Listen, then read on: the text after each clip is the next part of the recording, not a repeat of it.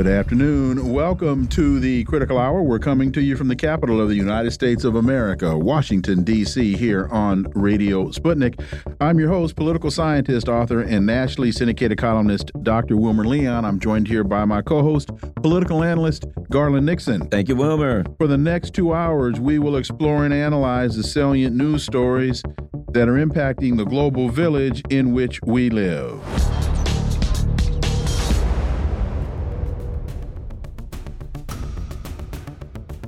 Consortium News has a piece by Cathy Vogan entitled U.S. Deceptions at the Heart of Assange Case. Lawyers for the WikiLeaks publisher charge that while British courts look the other way, the U.S. has been distorting and withholding evidence to engineer his extradition. For insight into this, let's turn to our first guest. And how significant is this? Well, we're joined by an independent journalist whose work can be found at Substack and thepolemicist.net. Dr. Jim Kavanagh, as always, Jim, welcome back. Thank you very much for having me.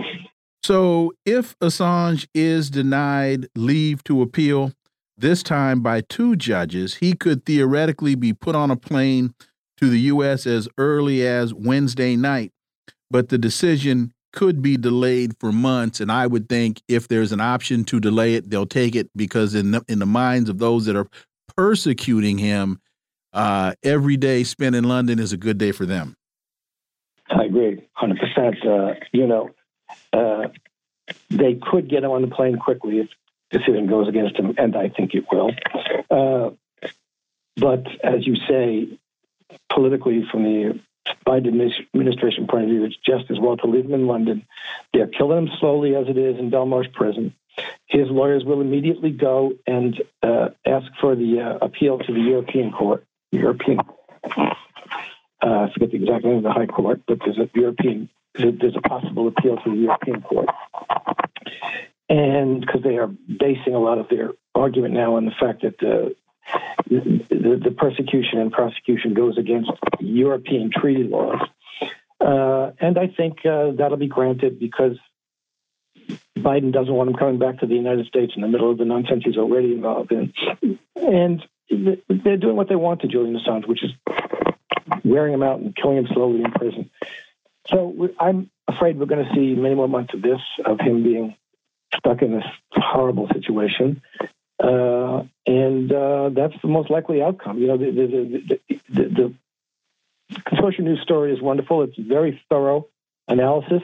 It goes through the 125 page document that his defense prepared, but the presiding judge over the appeals thing said, I don't want to read 125 pages. I'm going to read 150 pages even. I just want you to present me a 20 page summary of it. And really, you know, I think the position is going to be look, you're trying to re argue the whole case. That's not what an appeal does, et cetera, et cetera, et cetera.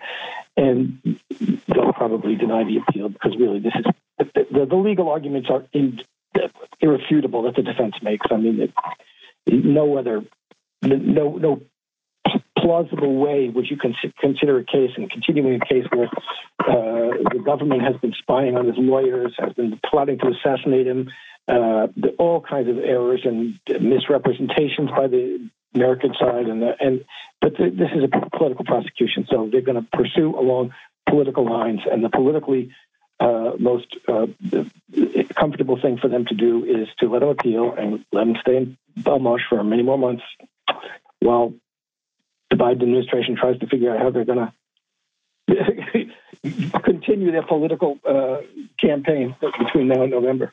And, and, you know, you bring up something else, and I, I, agree. I think it's you know, and there's been statements made about you know just letting this thing play out as long as possible. You know, I think it's possible they'll allow him to go to like the political, I mean, the uh, European Court of Human Rights or whatever it is, so they can stretch another year or so out of that. Because when you look at some of the things you were talking about, literally spying on the defense attorney in any court in the United States, that gets the case thrown out. Literally arguing about, you know, discussing kidnapping this person and and assassinating them. Again, you cannot make an argument for extradition um, when you know, the from the UK who who by law and treaty can't send someone somewhere where they could be either uh, where they could either receive the death penalty or or uh, or you know anything like that.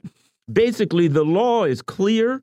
But what we're looking at here now is a situation where, I, I, with you, I don't think they bring them here because they got to put them in court. They got to deal with all of that stuff during an election year. That's the big part of it, Jim.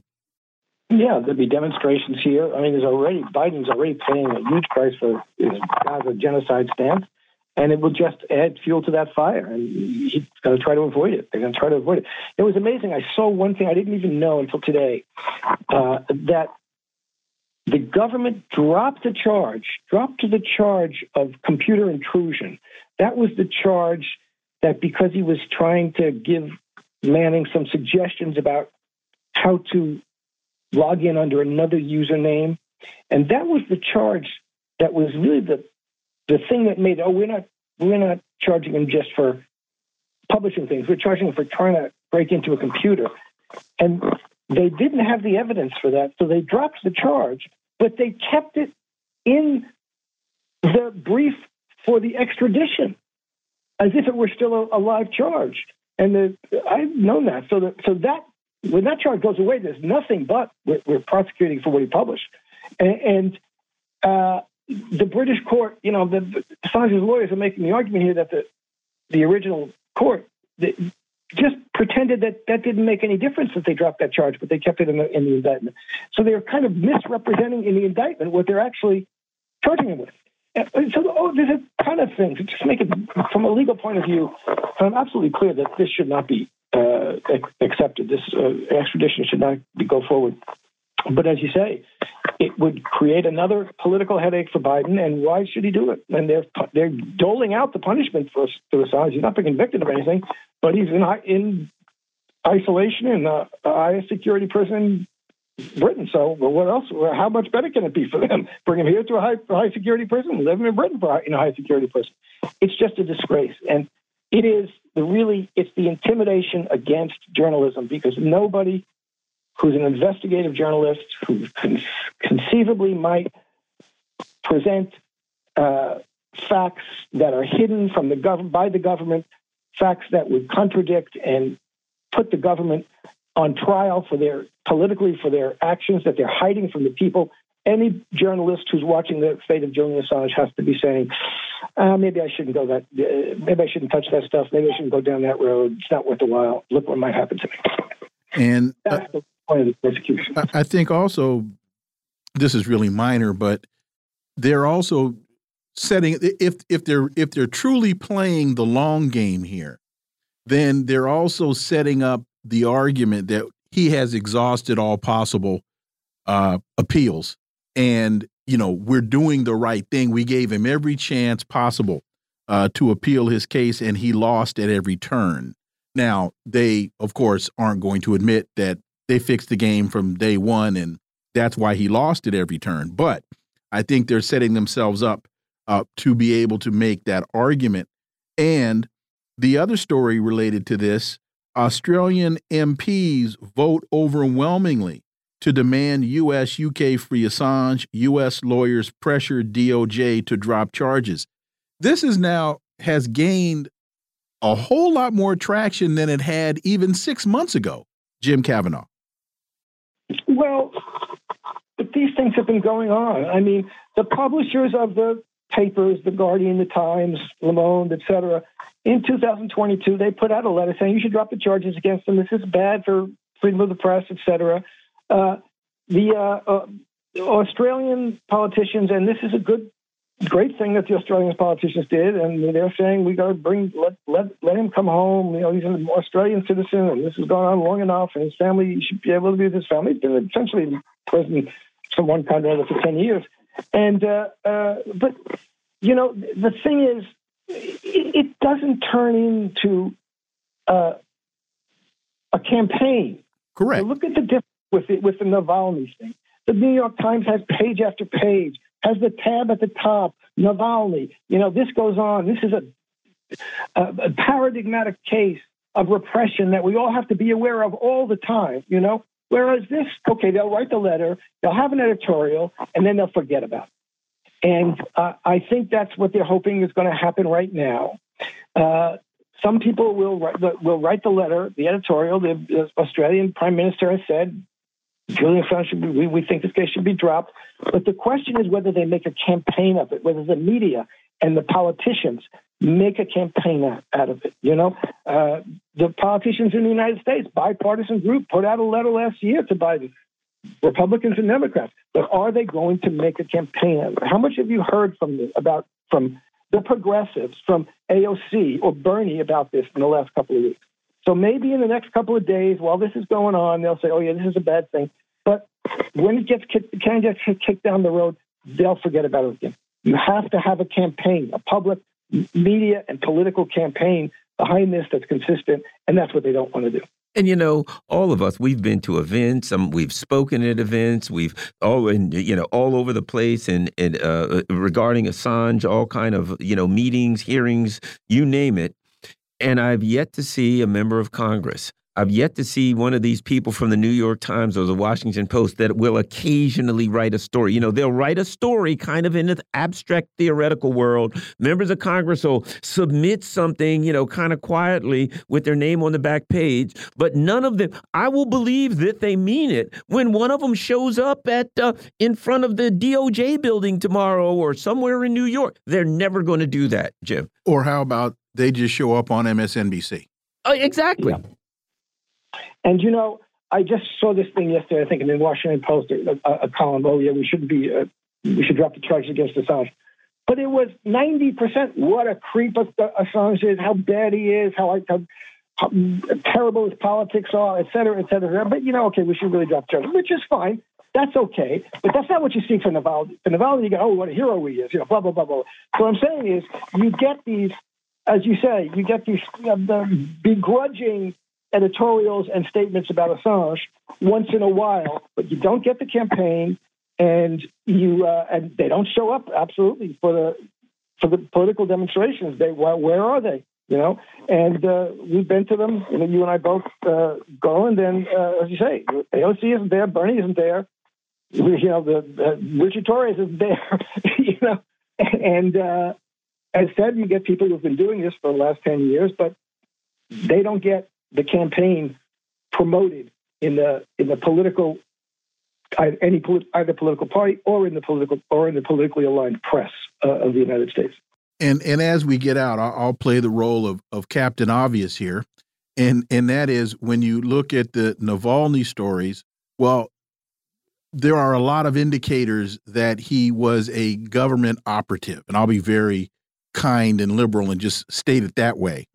Um, the and and and so that also shows you uh, the uh, how journalists are taking sides in terms of operating, creating, promoting a narrative on behalf of the government versus uh, ignoring the narrative that I'll say is on behalf of the people. This you, we could break this down between are you working on behalf of the government or are you working for the people? Because Assange was working for the people and all indicators are Navalny was working for the government.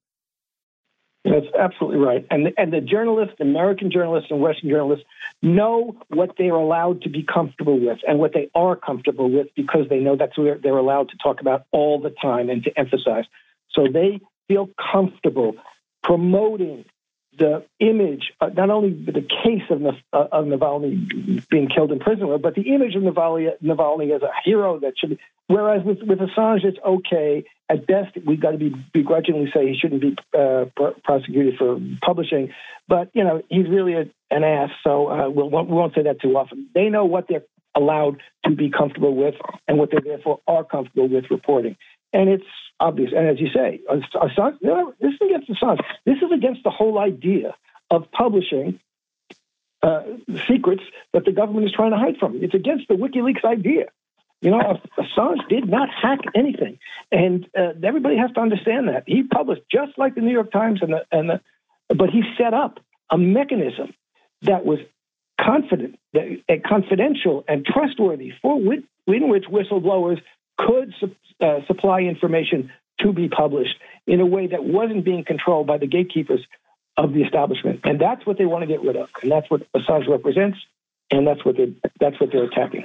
Dr. Jim Kavanagh, as always, thank you so much for your time. Greatly, greatly appreciate that analysis. And we look forward to having you back.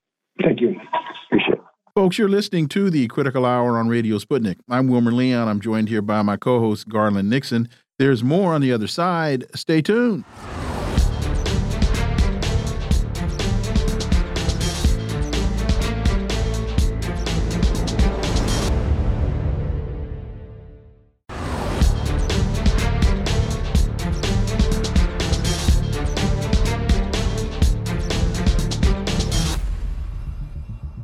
We are back, and you're listening to the Critical Hour on Radio Sputnik. I'm Wilmer Leon, joined here by my co host, Garland Nixon. Thank you, Wilmer. Avdiivka's liberation shows Ukrainian front has began to crack.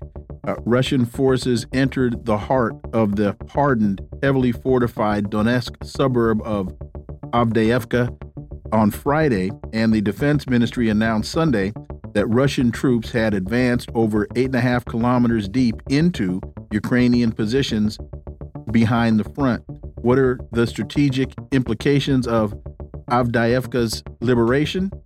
For insight, let's turn to our next guest. He's a Moscow based international relations and security analyst, Mark Sleboda. As always, Mark, welcome back. Dr. Leon Garland, thanks for having me. It's always an honor and a pleasure to be on the critical hour. So the Russian military breached seemingly uncrackable defensive lines in Avdiivka this week, breaking through kilometers worth of fortifications and hardened structures built up by Ukraine's NATO backed forces from 2015 onward. Avdiivka is the latest Donetsk city adjacent settlement to be freed, with Russian forces previously advancing into Mariinka in the city's west and through Veseloy to its north over the past month and a half. So uh, the progress seems to be slow and steady, to say the least. Mark Sleboda, what's the significance of this? Yeah, I, I think uh, certainly the the collapse and rout that occurred here in Avdiivka. Uh, certainly at the end, it was very quick and dramatic. Um, Avdiivka was Avdiivka was the um, strongest, most heavily defended of the Kiev regime's fortress cities. Uh, they built it up over a decade. Um, uh, concrete fortifications, pillboxes, layers of minefields, uh, bunkers, uh, a huge network of underground tunnels, um, uh, every single building in the city, you know, the uh, high rises turned into uh, mini fortresses and firing points. Uh, it was uh, formidable, uh, to say the least.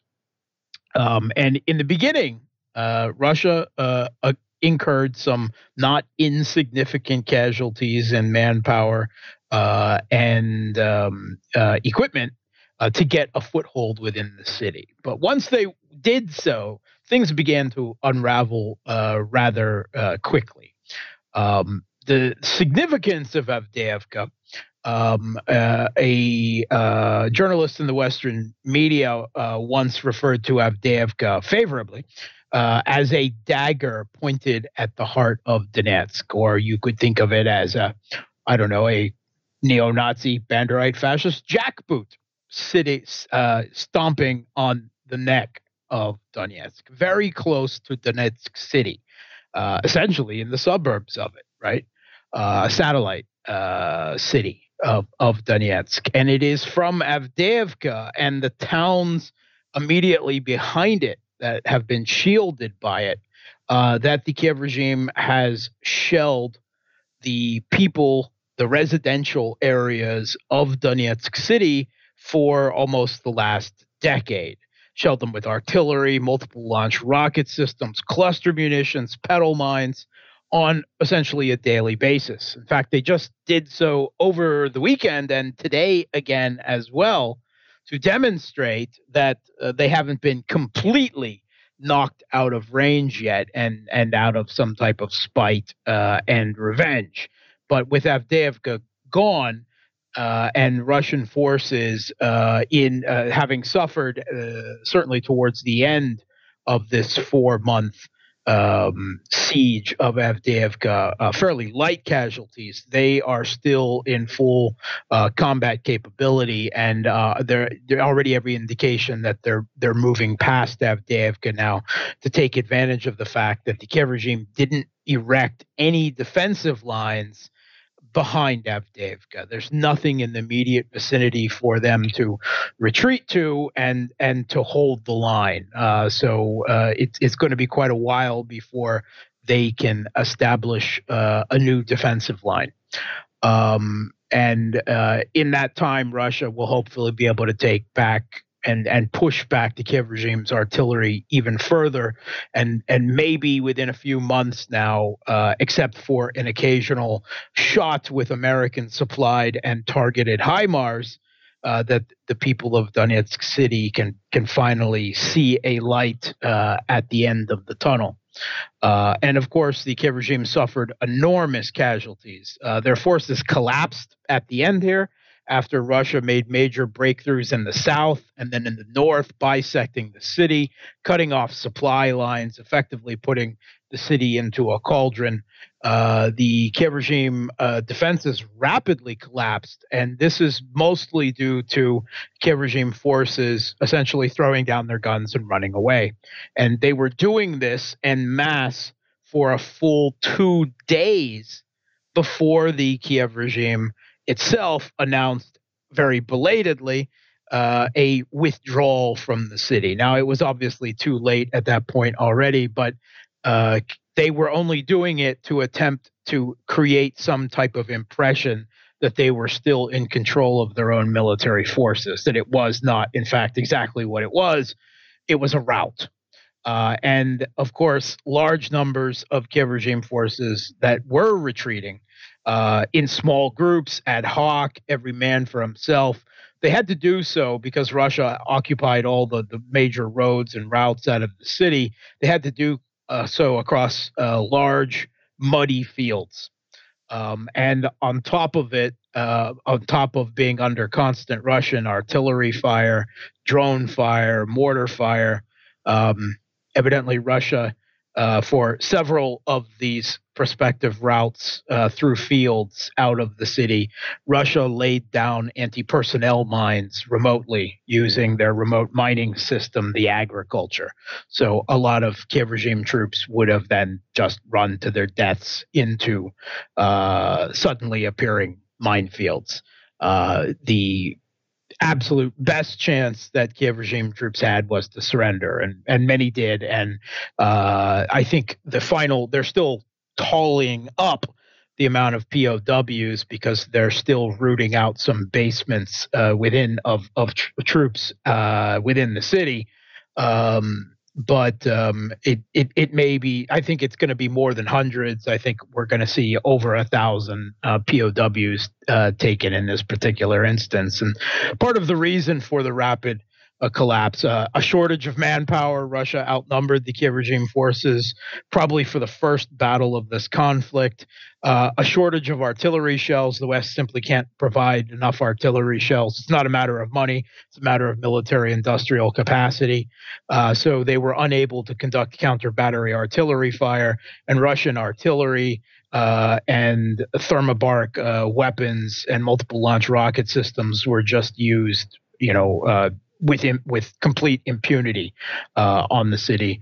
Um, reportedly, uh, Russian electronic warfare uh, completely suppressed Starlink, which the Kiev regime's military has been using for secure communications throughout the conflict. They were unable to connect with their own uh, positions, with their own fortresses and redoubts within the city, uh, and they weren't able to issue or or commands or receive requests for injured or or aid or ammunition or anything. So that that probably significantly contributed to the rout that followed.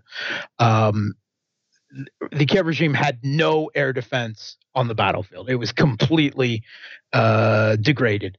Um, they might still have some in Kiev and Odessa, but nothing in the battlefield. Uh, and that showed, and that resulted in Russia, the last major factor there, uh, they were able to use these air launched guided glide bombs, the FABs, uh, in 500 kilogram, 1,000, and 1,500 kilogram gradations, uh, the equivalent of US JDAMs, uh, accurately and incredibly powerful. In just the last few days of this battle, they dropped more than 300 FABs on Avdiivka. Not a huge city to begin with. Uh, so just under that type of firepower pummeling, their communications severed, their supply lines uh, severed. The Kiev regime forces just gave up and ran away, uh, and uh, it it it was not a retreat. It was a rout. It was a collapse of defenses and a rout. And the Kiev regime is going to suffer military and political fallout from this, it's going to reverberate for quite a while. Uh, we got a, about two, two or three minutes, but uh, left. The political fallout. Oh, I've heard stuff about you know the Azov's reconstituted battalion saying no, and troubles there, and Syrskyi. And what do we need to know about the political fallout? Yeah, the third assault brigade, the mm-hmm. reconstituted Azov, even commanded by Belitsky, was sent in at the very end. They were Zaluzhny's golden children, his Praetorian elite guard kept in reserve, kitted out with the best Western gear.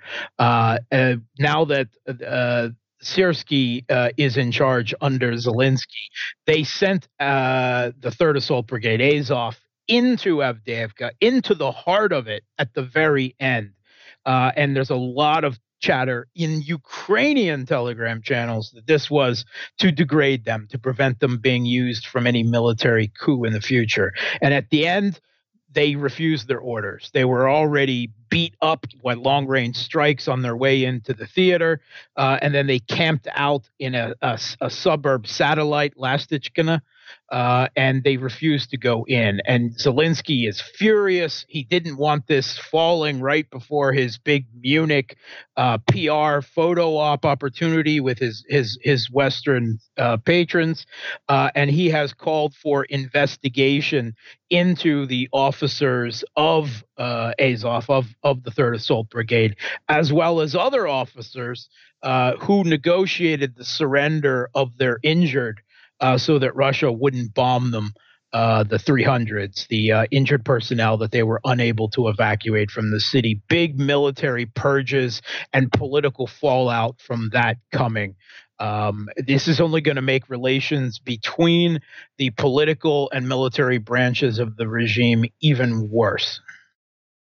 Make that even worse, if that's even possible. Uh, quickly, your thoughts is the um, appointment was the appointment of uh, Syrskyi was that a coup in and of itself?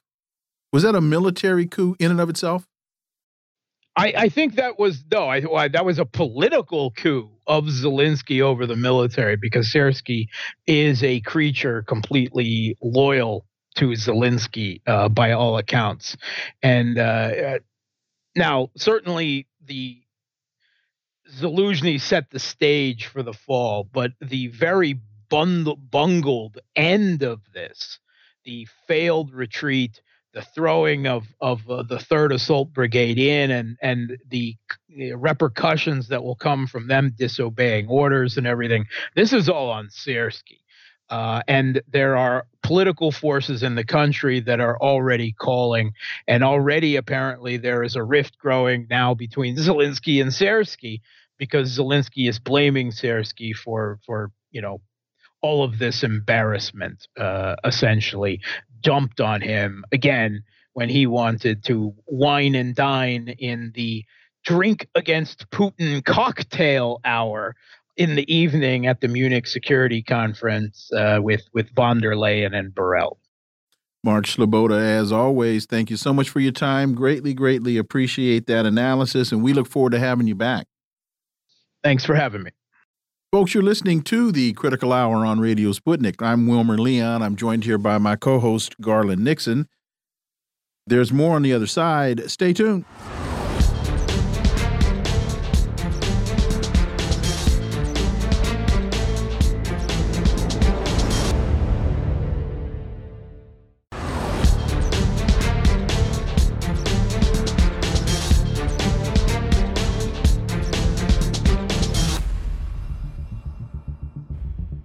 We are back, and you're listening to the Critical Hour on Radio Sputnik. I'm Wilmer Leon, joined here by my co host, Garland Nixon. Thank you, Wilmer. Responsible Statecraft has a piece We Didn't Forget You U.S. to send five aircraft carriers to the Pacific. The administration wants to show force to assure allies it's not overstretched. But here's how that can backfire. For insight, let's turn to our next guest. He's a peace activist, writer, teacher, political analyst, KJ Noh, As always, KJ, welcome back. Thank you. Pleasure to be with you. So, Responsible Statecraft writes the U.S. will have almost half of its aircraft carriers deployed in the Pacific in the coming weeks. This is according to the South China Morning Post. It reported on the 14th of February that five of the 11 carriers will all likely soon be deployed at the same time. The USS Carl Vinson and the and the Roosevelt have been participating in military exercises with Japan in the Philippine Sea. The Reagan is in port in Yokosuka, and the Abraham Lincoln departed San Diego, eh, and the USS Washington is expected to relieve the Reagan in a few weeks. Uh, KJ, this is so you got these big ships with all these planes and crew out there floating around the Pacific. What are people surprised that we have aircraft carriers? I mean, what's the what's the point? Well, I mean, this. I mean, we have to put this into context. This is extraordinary. The last time the U.S. had this much naval firepower in the Pacific was during World War II, and that was, you know, when you had the big carrier-involved battles like Coral Sea, Midway, Guadalcanal, and so this serves, you know, the function of certainly a show of force and threat messaging, but it's also a probe. It has a ratchet effect, and there's also exercises that will accompany this. Remember, it's not just five aircraft carriers, it's at least five to 10 attack submarines, plus 30 surface combatants, including Aegis destroyers, and three to 500 planes, of which there will be F 18s and F 35. So it's an extraordinary projection uh, of firepower, and it has a very, very uh, you know, uh, threatening message. It's a military tactical probe. They want to see if they can establish a no-fly zone for war. Uh, how will China will respond in terms of its intelligence and surveillance responses? How will how much will China tolerate from a political and strategic standpoint? This also serves to normalize aggressive shows of force. It's like grooming Asia for war. And of course, there is the ratchet effect from that normalization. They're very, very foolhardy. And I think that it just signals that the escalation is continuing. Well, see, I'm glad you closed it with very foolhardy because that was that was really the the point that I was trying to get to. It, it makes me think of President Putin's response when Biden sent the Gerald Ford into the Mediterranean. He said, "Well, why are you doing that? You you're not scaring anybody. These people don't scare."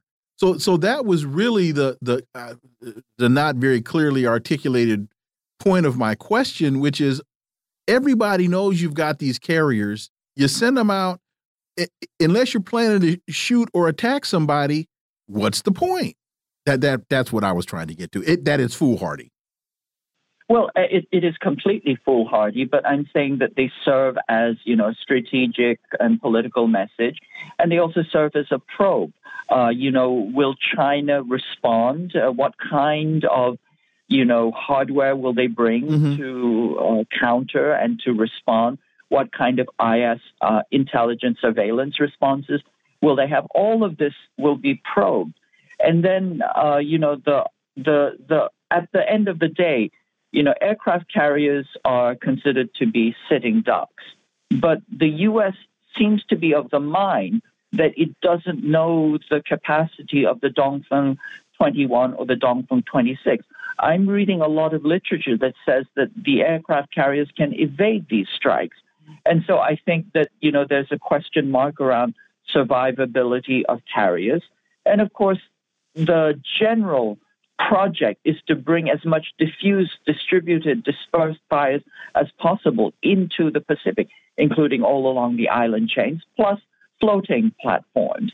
And so I think all of this is part of this continued probing, testing as we escalate towards kinetic war. Uh, and I think that when the war actually happens, what they will do is they will pull these carriers outside of a 2,000 kilometer radius uh, and then let the other, you know, distributed fires, uh, you know, take the, you know, take the brunt of the attack. Let me ask you this. This is my first inclination, and maybe it seems a little weird, but I always think about these things from the perspective when I when I watch the neocons that that their perspective is often internal, right? Domestic.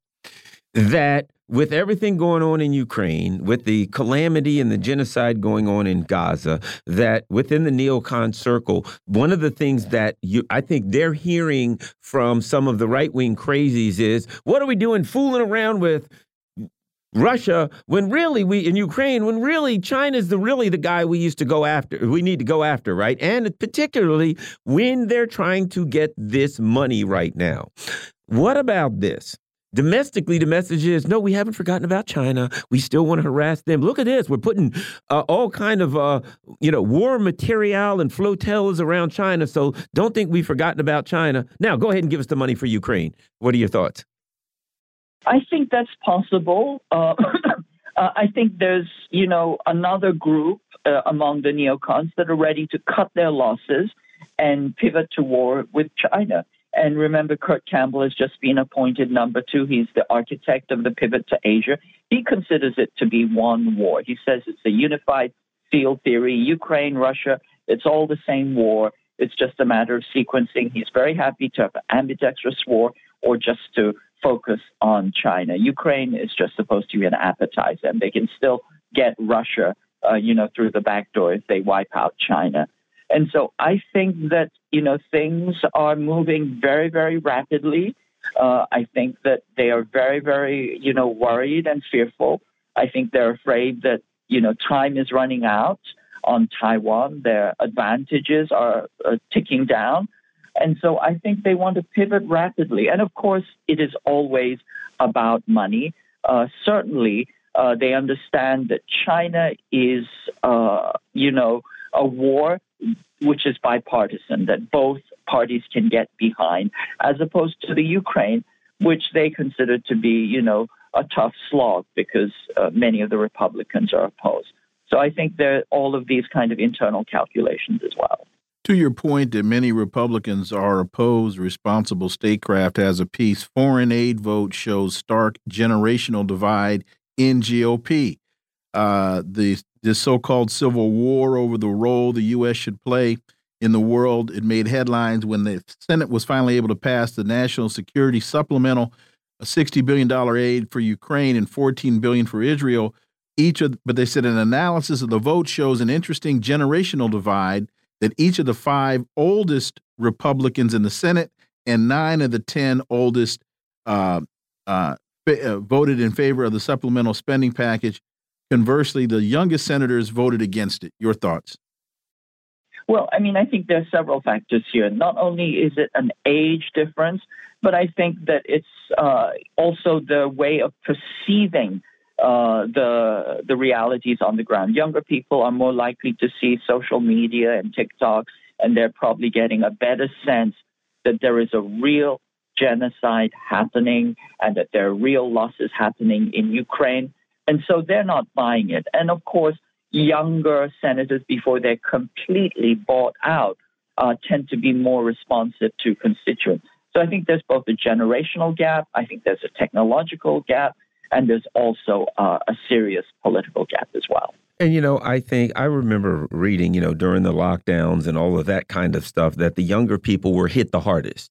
Their future was hit the hardest. That we've got a lot of younger and not so young. I know people right now who are, you know, um, I have a friend who's like in his 40s. He's a lawyer, still paying student loans. And I think that the crush of neoliberal capitalism is also something that's causing people to say, you know, I can't pay my bills. I got student loans. They're spending all of this money on this craziness. I think that's part of it too, uh, KJ. I think you're absolutely right. You know, age also correlates to class, and uh, you can see that the younger generation see that there is no hope for them under neoliberal capitalism, that they have been thoroughly and totally uh, effed with uh, as far as uh, the system is concerned. So they're not behind it. They're certainly not behind sending thousands, tens of thousands of their hard earned money personally uh, to a war that makes absolutely no sense for them. It's just the ruling imperial elite uh, and the aged, uh, you know, boomers who support them uh, that are, you know, really, you know, really still entranced by this madness. Uh, final point before we get out Responsible Statecraft has another piece. Will Egypt suspend the Camp David Accords? Experts say the possibility is unlikely, but the potential consequences make it hard to ignore. Uh, I, I, I think it's it's quite more possible than not, uh, particularly uh, as more refugees can uh, you know uh, cross the, the the the border and and the the sentiment on the ground of the people becomes even more evident than it is now. I mean, if if the sentiment of the people can impact the Saudis' response to all of this, we know that Egypt shouldn't be too far behind. You're absolutely correct. Where Saudi Arabia goes, Egypt follows, uh, and I think that they're very, very unhappy what's going on right now. There are currently 1.4 million Palestinians in Rafah.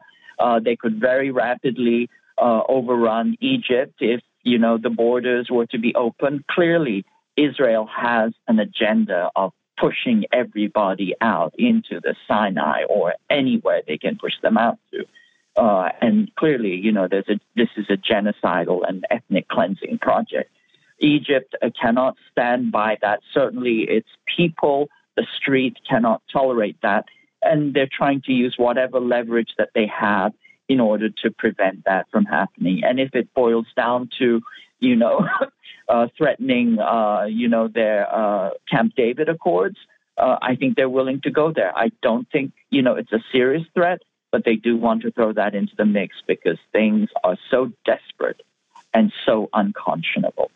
KJ Noh, as always, thank you so much for your time. Greatly, greatly appreciate that analysis, and we look forward to having you back. Thank you. Always a pleasure. Folks, you're listening to the Critical Hour on Radio Sputnik. I'm Wilmer Leon. I'm joined here by my co host, Garland Nixon. There's more on the other side. Stay tuned.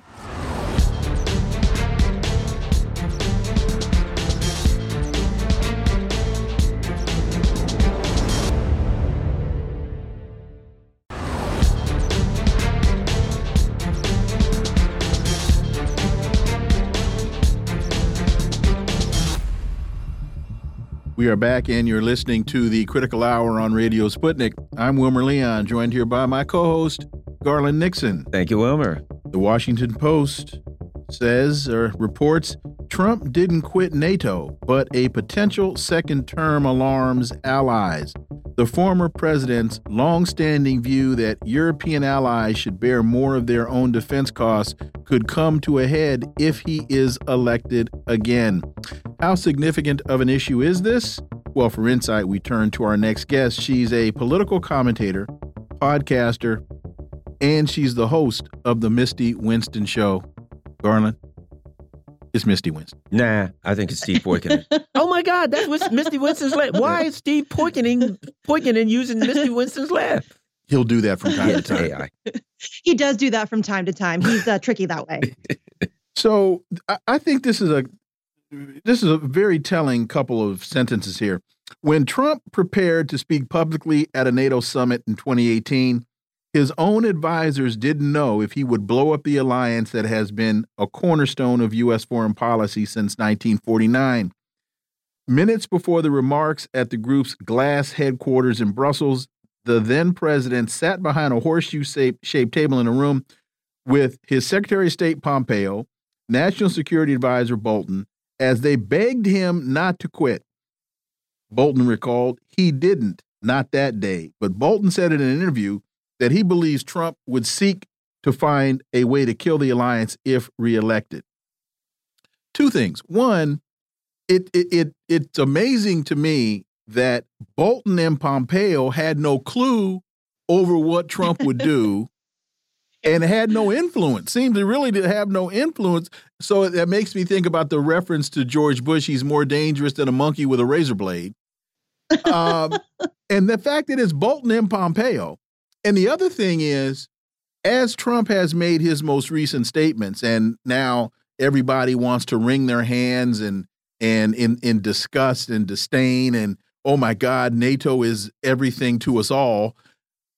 Joe Biden attacked a NATO country by blowing up Nord Stream. That's an Article 5 violation. That's an act of war.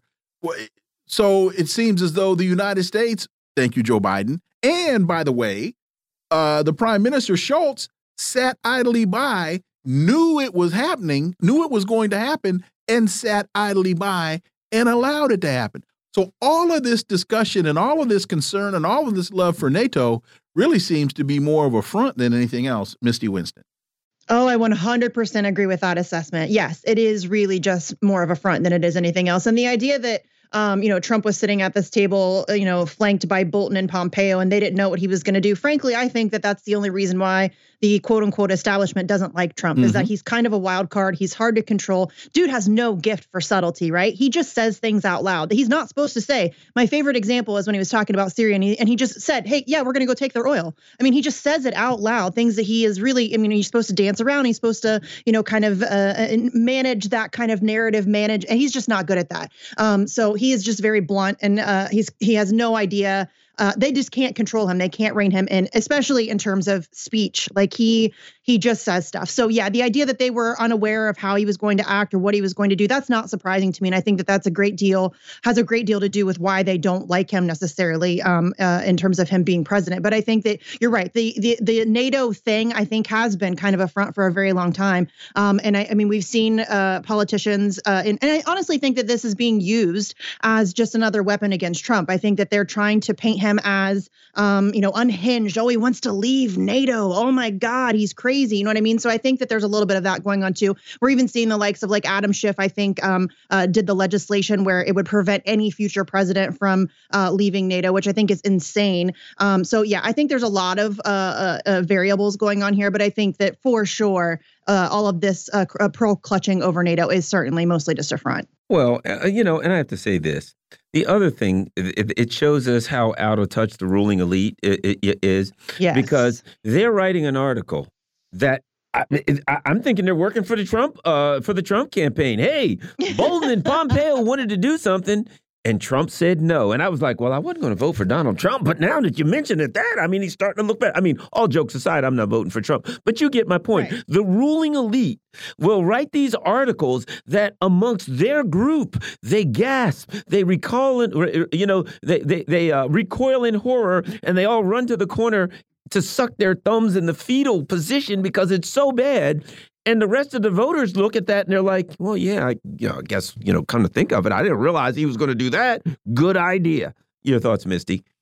Yeah, 100%. You're absolutely right. And also the fact that he wants to leave NATO. I mean, listen, NATO's not all that popular these days with a significant amount of the uh, public. And especially, I think, on the right. I think that the uh, uh the, the, Trump's base loves this. And that, again, it it, it, it, it, does the job of painting him as an outsider, right? Mm-hmm. Um, which he is not an outsider. But you're right. Uh, you know, they're writing this article clutching their pearls over the fact that Pompeo and Bolton didn't know what he was going to do. And he's this, you know, unhinged character who's on the outside. He's this outside outsider and he's fighting the establishment. That's exactly, uh, you're right. Are you on his PR team? Because you're just making him look cool, especially to his base. Um, so yeah, I mean, it's all of this is very befuddling to me, and it's not not super surprising coming from the Washington Post. Uh, but yeah, I think that a lot of this is really, um, uh, it, it, you're absolutely correct. It really does show just how completely out of touch um, uh, the uh, establishment are, and then also the establishment media. There's no doubt about it. But is there another analysis of this, and and that is Trump does all this bluster, but at the end of the day, he does what they want him to do. So they yes. they they sit they the, so the story they're sitting around this table and he's running around the rooms with his gold tennis shoes on, screaming and yelling about what he's going to do, and then he doesn't do it. Yeah. Uh, there was a point where you know after the assassination of General Soleimani, he's calling on a missile. They they what was what, what was it now? Uh, they wanted they wanted the missile strike, and he but he calls it off. Right against uh, they wanted to attack Iran. Right. right. Yeah. Now sensibly, he calls that off. Yeah.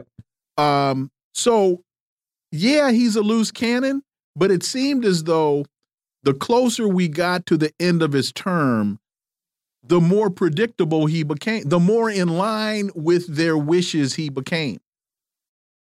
Yes. For sure. I think he's really only unpredictable in his speech, like the things that he says, because he is not um i don't he's not very he, obviously he's not an idiot. You can't become donald trump without you know having some sense of um uh you know business sensibility and things like that. Uh, uh he, he's obviously good at rigging systems and things like but he just doesn't seem all that bright in terms of um figuring out how to uh manage a narrative and all of that stuff. Although i mean uh, he also to i guess to his credit he's really good at knowing his audience. He's really good at knowing yes. how to perform he's a performer. He knows how to put on that show for the people that he needs to attract and that he needs to uh, kind of bring into the fold. And so, yeah, there's no doubt about it that this uh, he um, he definitely, and I think that his supporters um, you know, again, they have this weird idea that he's some kind of outsider who was fighting for for them, uh, and that's just not the case. If you look at the things that he did, he went along with the establishment on almost everything. Now, rhetorically, he was loud and talked about draining the swamp and went after the media and all of that stuff,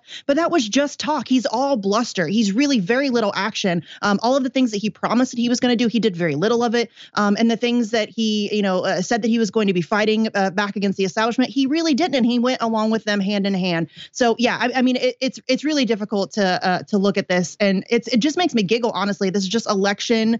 Uh, uh, uh it's just kind of election year um, uh, clickbait. Really, that's all it is. It's uh, just trying to drum up. Um, you know the kind of uh, uh, the back and forth, the banter back and forth between the parties, and the pearl clutching over who's the lesser evil and all of that stuff. And that's really all this is, is just trying to play into that. Uh, the next Republican nominating contest is the South Carolina primary on Saturday. Nikki Haley trail, trails Donald Trump by a significant margin. Your thoughts on that? 30 points. A, a, I'm sure her, she can make it up. In her home state. In her home state. Oh, Nikki Haley. I mean, Listen, the idea that she hasn't dropped out yet is uh, amusing to me. Not that she should. I mean, listen, stay in there. If you want to stay in there and spend more money running a, a campaign that it has absolutely zero chance of winning, go. You do you, sis. Uh, but she has. She's going to get her, her her butt handed to her in her home state. It is going to be massively embarrassing to her. Um, I think that it's. This is honestly, I think, going to be worse than Kamala Harris. Kamala Harris had to drop out before her home state because she knew she was going to get embarrassed. Nikki Haley is going to hang in there, and she's going to go to her home state, and she is going to get trounced, and it is going to be highly entertaining to watch. Uh, she has absolutely no chance whatsoever of making 30 points up in between now and Saturday. That's insane. Let me ask you this, Misty. This is this has been my thoughts. You know, they've got they've got a million charges against Donald Trump. I think their plan is to somehow charge Trump, whatever, to take Trump out, and then she's the only one left standing, and then they can just have her versus Joe Biden. And let's face it, Joe Biden can debate her because if he forgets his words, she will literally walk over to the podium and read them for him and help him out because they're pretty much the same person on foreign policy. Your thoughts? Yeah, listen, I'm not convinced the Democrats aren't eyeballing her to replace Biden. Oh yeah, you know what I mean? Yeah. Like I, I, I would not be surprised at all if they were eyeballing Nikki Haley as a potential replacement for Joe Biden. I think that that uh, it, that is absolutely possible if Joe Biden. And again, I think uh, Garland, you and I agree on this. I don't think Biden's going to be the eventual nominee, but yes, um, I think that it is. Uh, you know, it's um, she. There's a very good chance that they're they're uh, encouraging her to hang out uh, and see what goes on with all of this legal stuff and see if they can manage a way to get uh, Trump out of this race so that, um, and then if she is the last one standing, it's just, oh, here you go. Here's the mantle. You take it, you run with it. And then she just kind of gets the, uh, the nomination by default. That would, uh, that certainly would not surprise me. Really quickly, uh, Garland, if you'll let Misty know who on this show has been saying for the last year and a half that, that Joe Biden won't be on the ticket. I'll give you a hint. It's not me. Oh, was it Wilmer? so anyway, Man, she's good, Wilmer. Anyway, she's good. Anyway, uh, so what I what I see here is Nikki Haley. She won't leave Saturday. She'll leave no. the following Saturday because I think, and I mean this all in all seriousness, I think there are how many states, like ten or twelve, maybe more, that all hold their um, primaries within within another, within another week. So I I think that's how it goes. So I think she's in it for another week, and maybe yeah. ten days, and then and then she's done. Um, so we'll see, you know. But that's that's what I think. But I listened to her today. Yeah. I listened to I listened oh, to about thirty minutes of maybe twenty minutes of her from South Carolina. Awful. It was tough because there was it's nothing awful. there was nothing there. It, it was no. It was platitudes. It was talking points. It was conspiracy theory. it's like listening yeah. to Mitt Romney. You oh, ever listen to him? It's the same thing. It's Putin wants Putin's to invade. Putin's going to take over. Putin's next move yeah. is the Balkans. He's he's oh, moving. Yeah. yeah. he's going to invade the Balkans next. That she said that today. Uh, presented no evidence. It was all a bunch of foolishness. Uh, Misty Winston, as always, thank you so much for your time. Greatly, greatly appreciate it. We look forward to having you back. Thanks, fellas. I appreciate it. Folks, you're listening to the Critical Hour on Radio Sputnik. I'm Wilmer Leon. I'm joined here by my co host, Garland Nixon. There's another hour on the other side, and it's going to be a good one. Stay tuned.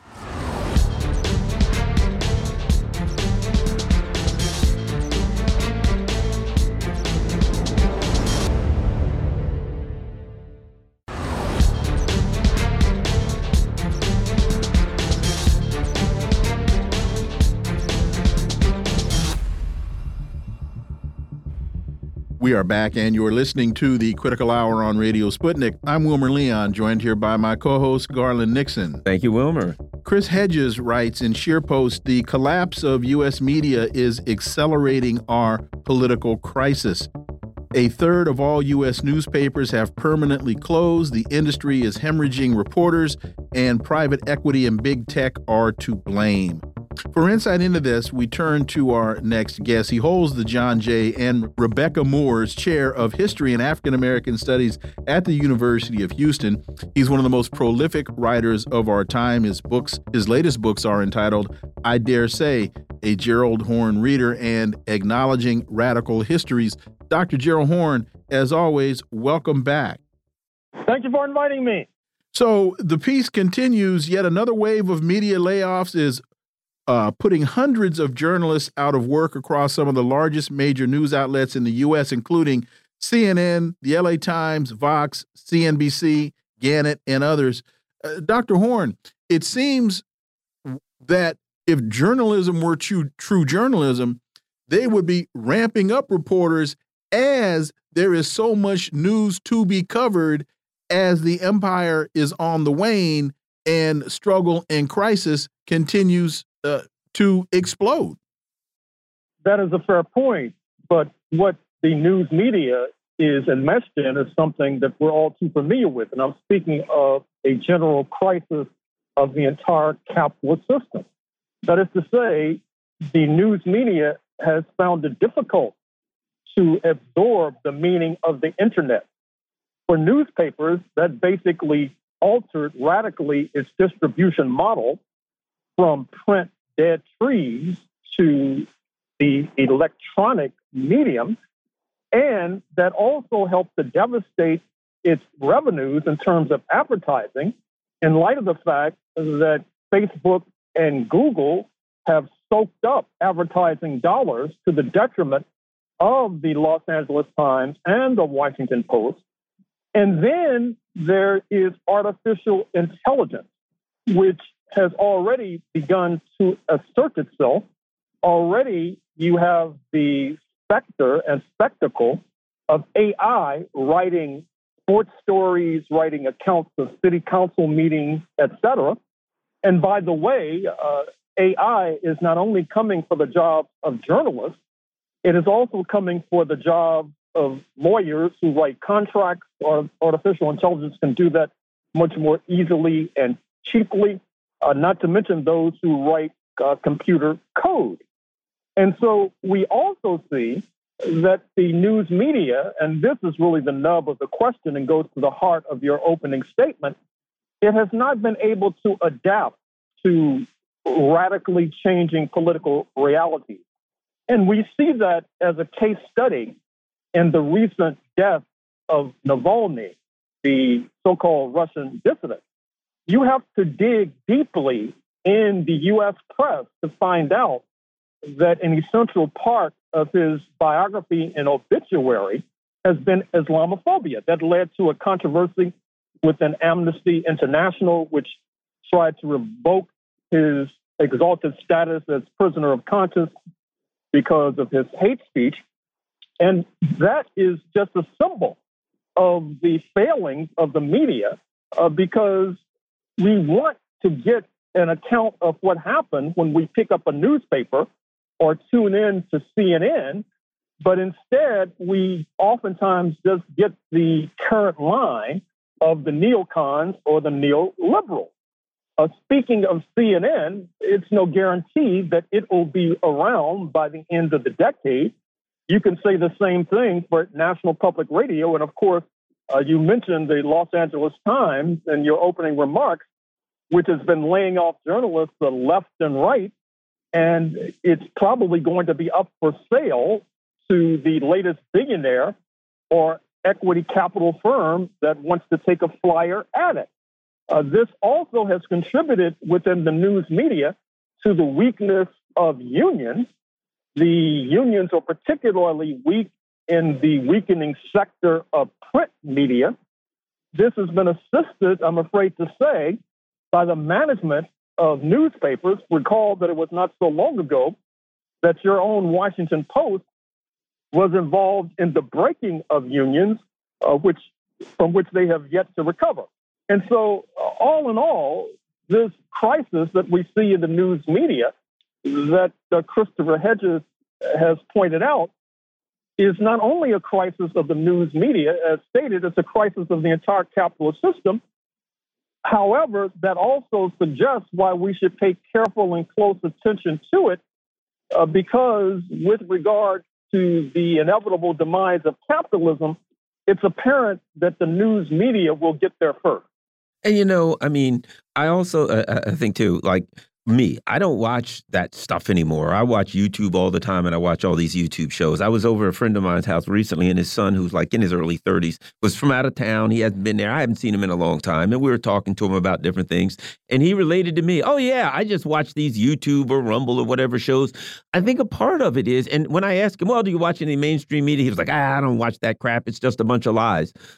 They have so discredited themselves. There is such a crisis of legitimacy in so many of the traditional institutions, the media being just one of them, that people are turning away. And you can't sell advertisement if there's nobody to watch the advertisement. Well, let me, let me give you one quick example today. I'm coming in, I'm listening to NPR.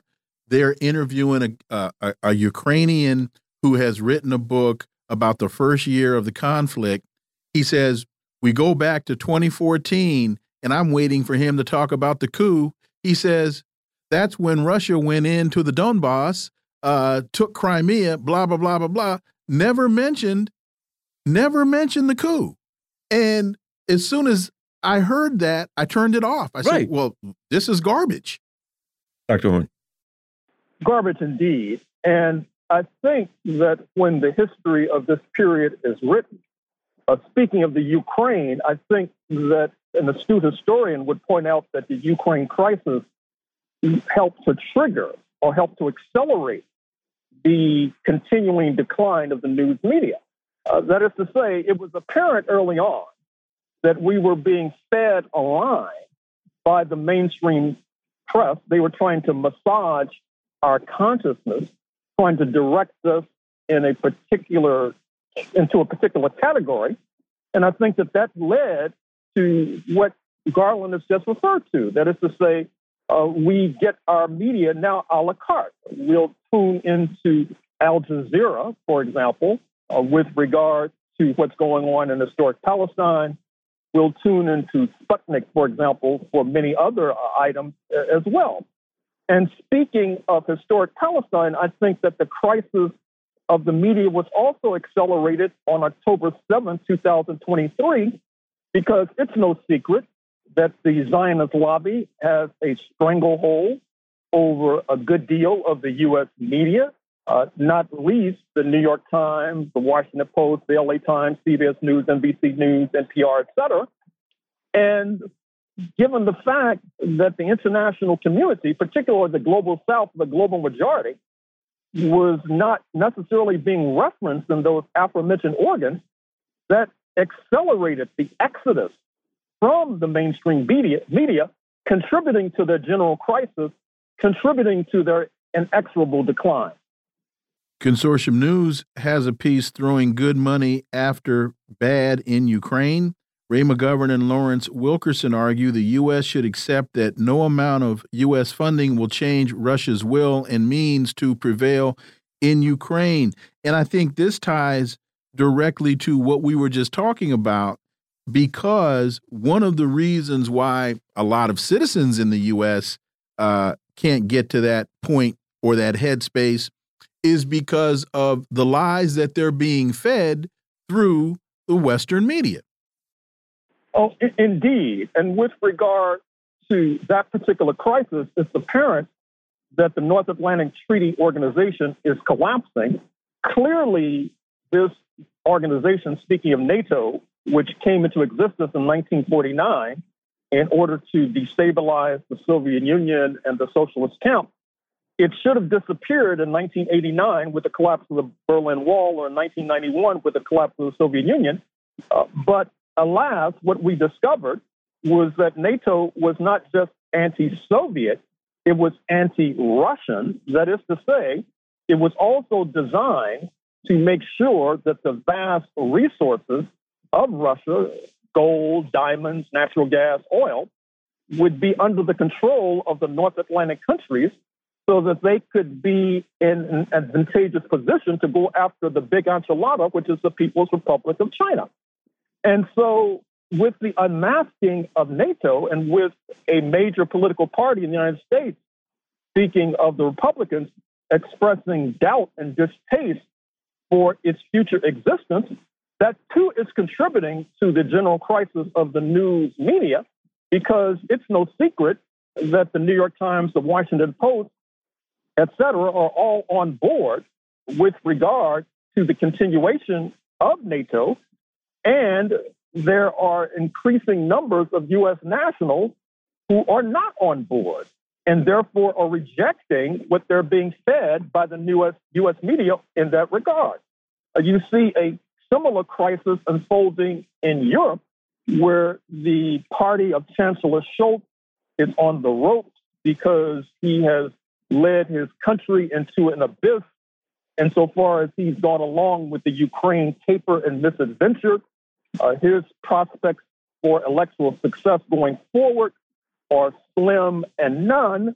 You could say the same thing for Macron and France.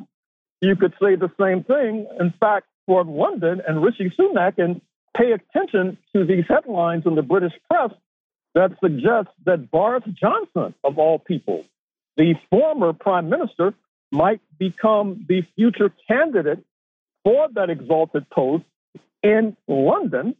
And of course, speaking of NATO, uh, you already see that Turkey or Turkey, uh, which is touted as the eastern flank of NATO, actually has one foot out of the door, although it has apparently capitulated to the idea that both Sweden and Finland should be part of NATO. And even though it has supplied drones to Ukraine, it's no secret that in order to uh, beef up its relationship with Moscow, it has allowed Turkey to become a major transit point for commodities going into Russia, circumventing North Atlantic sanctions. And there is a further deepening crisis in NATO that your audience should pay attention to. I'm speaking to the fact that Poland is spending money hand over fist for its military obviously or apparently, this military will be aimed not necessarily uh, at uh, some of its neighbors, uh, other than, for example, Ukraine and perhaps uh, Germany. So, what's happening is that uh, NATO has outlived its existence. The European Union, which has gone along uh, with the U.S. line, has overplayed its hand. And speaking of which, I should also make the further point that is to say that the United States, in a sense, was the original European Union. It helped to absorb many migrants from every corner of that continent. And under the umbrella of whiteness or white supremacy, but obviously uh, that particular uh, approach is under stress and strain because of the rise of China. So there might have to be some sort of consolidation uh, between the original European Union, speaking of the United States, and its moth-eaten successor, speaking of the Brussels-based European Union. All in all, it's not a good look or a good prognosis for the North Atlantic country. Dr. Gerald Horne, as always, thank you so much for your time. Greatly, greatly appreciate that analysis, and we look forward to having you back. Thank you. Folks, you're listening to the Critical Hour on Radio Sputnik. I'm Wilmer Leon, joined here by my co host, Garland Nixon. There's more on the other side. Stay tuned.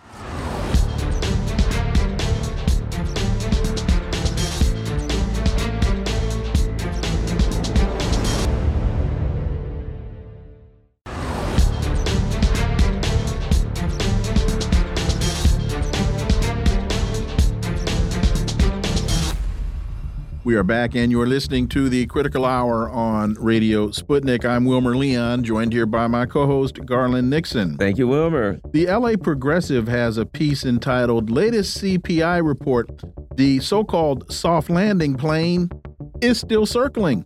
The most important takeaway from the January CPI is the all items rate of inflation last month is at the same level that it was seven months ago in June of 2023.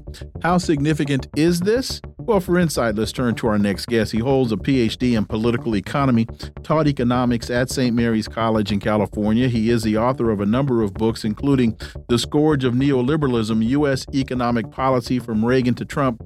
And he's the author of this piece, Dr. Jack Rasmus. As always, Jack, welcome back. Always glad to join you, fellows. Let me ask a real quick question. Uh, is it still raining there? Oh, yes. Okay. Very much. Okay. I'm sorry to hear that.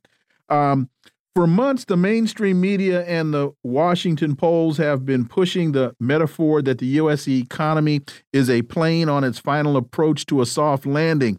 Soft landing is defined as inflation steadily coming down to the Federal Reserve's goal of a 2% price level and does so without provoking a recession. You write, however, as revealed by the inflation statistics by the U.S. Labor Department's latest consumer price index, the soft landing plane is clearly stuck circling the airport. Jack Rasmus. Yeah, well, if you look at uh, last month's uh, CPI report, Consumer Price Index report, and uh, the Producer Price Index report that followed a couple days later last week, uh, what you see is uh, inflation is not coming down. In fact, in January, there's indications in those reports that it's creeping back up again. Uh, you know, the administration likes to say, oh, we brought the inflation down. Well, it was at a peak of 9%, and uh, I guess it's somewhere around 4 to 5% now. Uh, that's the consumer price index. But if you look under the covers, what you see is that goods prices have come down, but service prices have not. And in fact, service prices are creeping back up. Goods prices including, by the way, uh, food and energy, gasoline and so forth, since last summer have uh, abated some.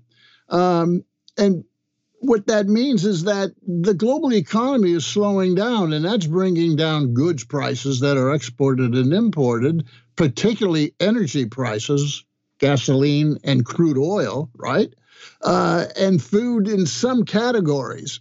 But in other categories, food is not coming down in the processed food areas. In other words, companies like bakery companies and beverage companies and so forth, where you have monopolistic industries, in other words, a few companies produce everything, prices are going back up in those processed food areas, as people know when they go to the grocery store.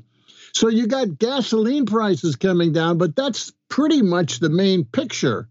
Uh, food prices coming down in some areas, but in other areas not. But services prices, which is 80% of the economy is services, are not coming down. In fact, they're creeping back up. Auto insurance, medical, hospital services, uh, services of, of all kinds, uh, you know, that relate to uh, what you pay for, uh, restaurants, hotels, all that is going up. they haven't been able to bring services prices, the major part of the economy, down very much, just a little bit. And now, as I said, there's indications in the January CPI, services prices are creeping up. Goods prices for processed foods are continuing to stay high. And it looks like, you know, with these wars in the Middle East and the Red Sea and all that, uh, you might have even gasoline prices creeping back up this spring. Let me ask you this: Don't normally gasoline prices, um, you know, naturally start to go up in in in in in the summer? And let me add this: I was just mentioning this to Dr. Leon, but I but but, but I'll, I'll throw this out to you also do you think maybe that's another reason that the Biden administration is so heavy, so hesitant to tangle with Iran because that that would skyrocket gasoline prices and politically wipe them out in an election year? Your thoughts?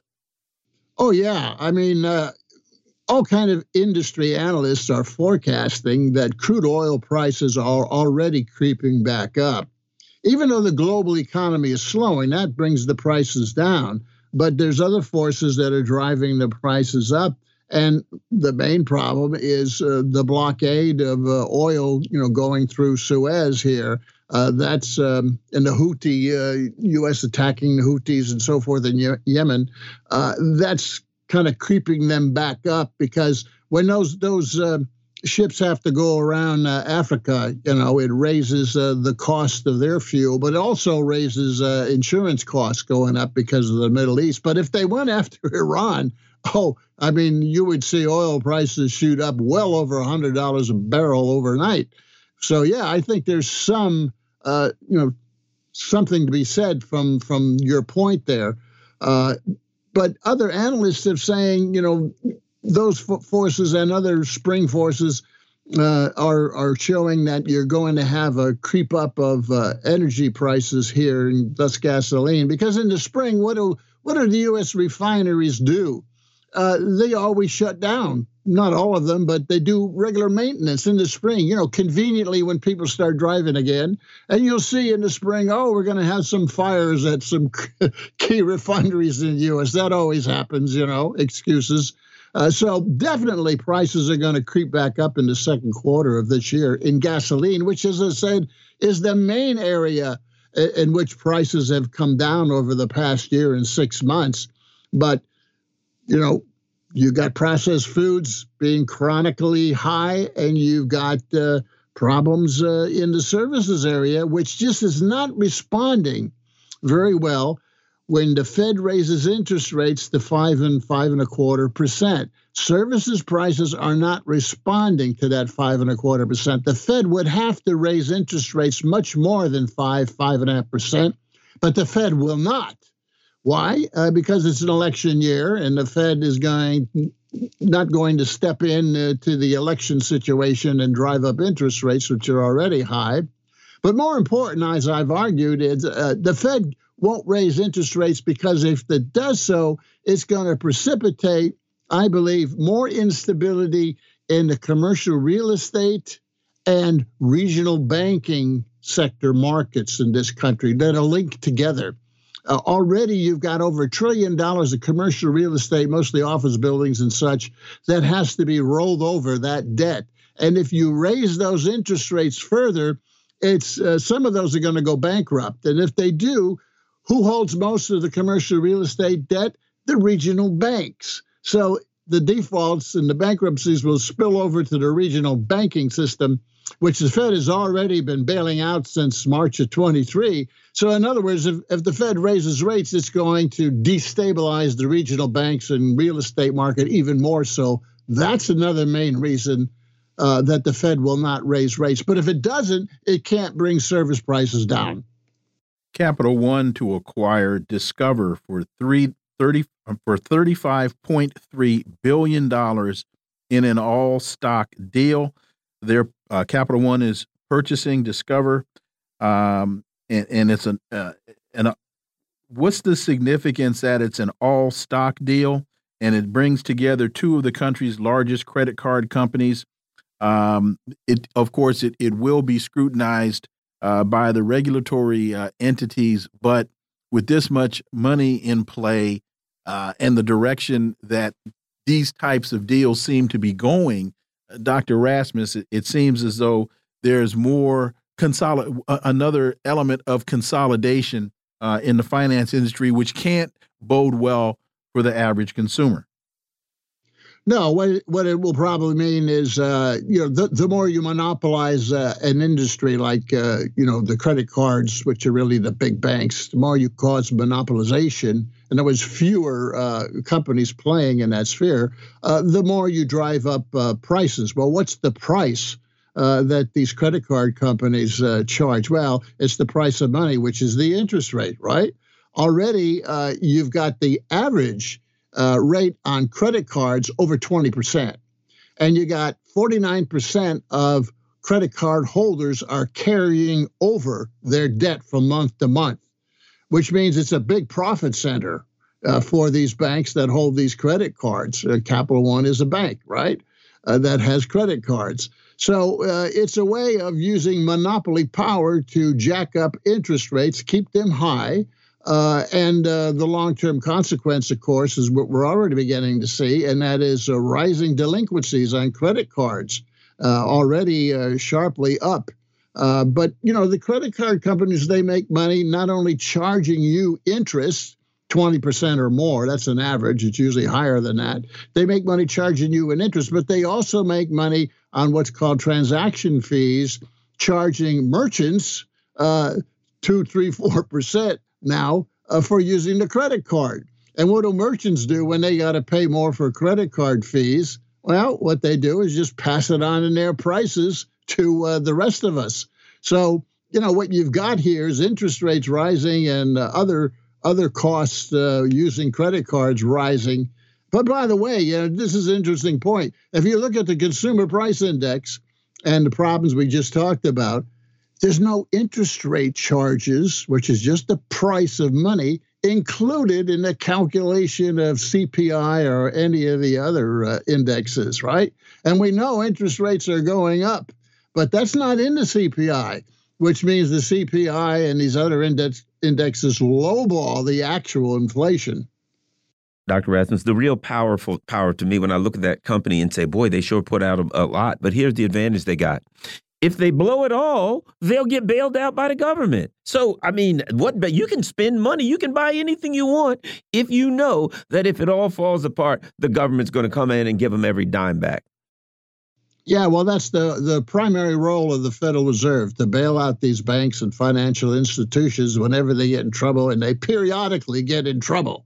Uh, that's what the Fed is there for. That's why it was created uh, back in 1913, so that Congress elected officials did not have to uh, bear the ire of uh, uh, of the population bailing out the banks that caused the crisis. You create an institution like the Fed that people really don't understand how it works, right? Oh, it's their fault. They're bailing them out. Congress isn't bailing them out.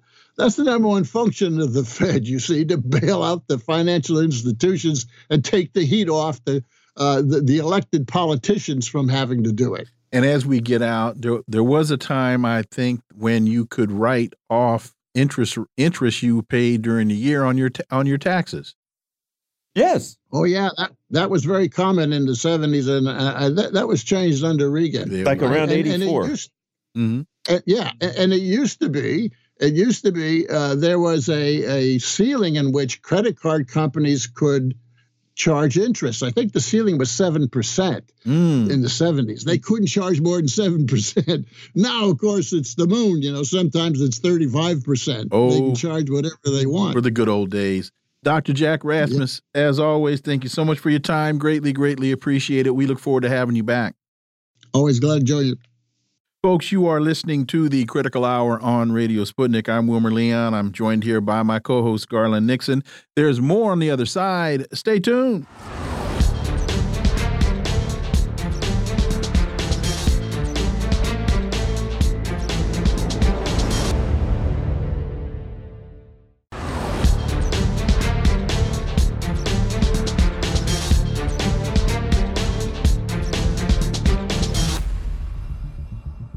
We are back, and you're listening to the Critical Hour on Radio Sputnik. I'm Wilmer Leon, and Garland Nixon will rejoin us shortly.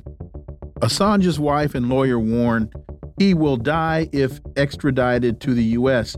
Assange begins his final chance of appealing the extradition uh, on Tuesday.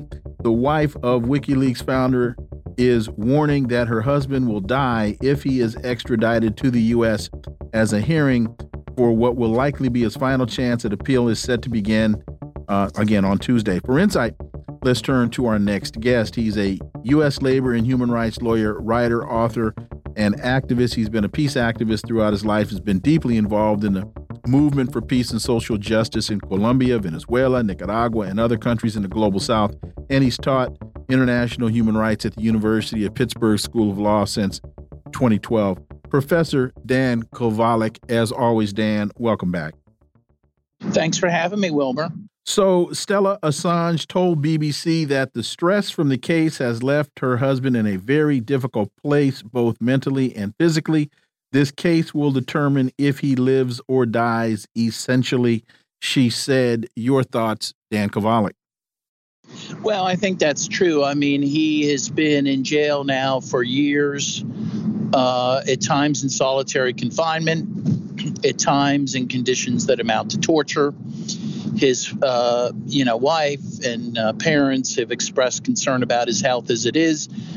If he's sent to the U.S., they're just going to, you know, um, delay the trial as long as they can, so that yes, so that they can guarantee that he'll die in jail. I mean, they, that's always been the plan, and I think that that that is the plan. And you know, I think they've got some issues right now. We've been discussing it. They're probably, for political reasons, during the election cycle, concerned about bringing him. But right now, I, I bringing him in. I suspect maybe they'll try to deal with the European High Court on uh, on on. Um, uh, you know, human rights or some other kind of game to drag it out. But it seems to me that him him uh, having to prosecute them has become a long term problem for them and they'd much prefer if he met an untimely demise than, than I mean, they even talked about killing him, so we don't have to suspect what their intentions are, uh, uh, Dan. Yeah, there was a CIA plot to kill him. That's not con a conspiracy theory. That is documented. And, and, just think about the, the the violation of due process here. Here's a guy. Even if you believe everything that's true that they're charging him with, he is not charged with any violent crime. He, there's no reason for him to be in jail while he awaits extradition and while he awaits trial.